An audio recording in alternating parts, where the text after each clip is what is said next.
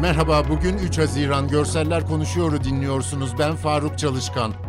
Osmanlı Padişahı 2. Abdülhamit döneminde planlanan ve Zonguldak'ın Çaycuma ilçesine bağlı Filyos beldesinde 2016'da yapımına başlanan Filyos Limanı'nda çalışmalar tamamlandı ve açılış yarın yapılacak.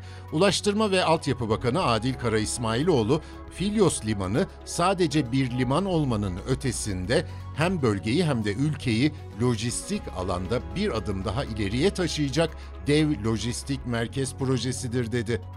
Enflasyon verileri açıklandı. Tüketici fiyat endeksi Mayıs'ta aylık bazda %0,89, yurt içi üretici fiyat endeksi %3,92 artış gösterdi.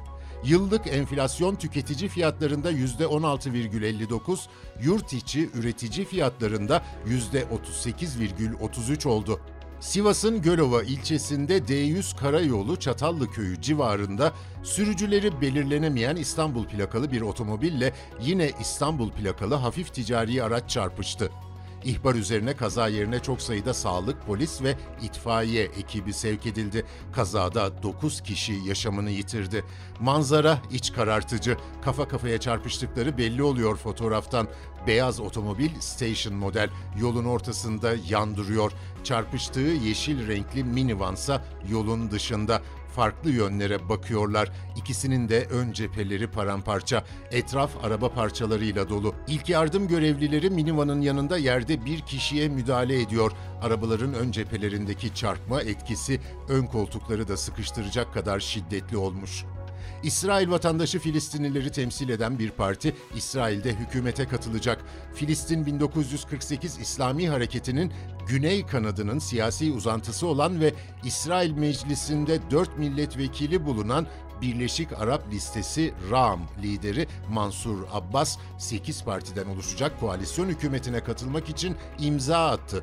Hükümetin güven oyu alması durumunda Ra'am da hükümette yer almış olacak. Mansur, İsrail Kamu Yayın Kuruluşu'na yaptığı açıklamada koalisyon hükümetinin kurulmasıyla ilgili anlaşmanın özellikle Negev bölgesindeki Arapların yararına birçok madde içerdiğini ve büyük bütçe tahsisleri olduğunu söyledi.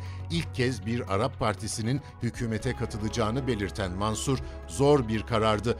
Pek çok tartışma var ama biz hükümetin kurulması için iyi bir fırsat olduğuna inanıyoruz dedi.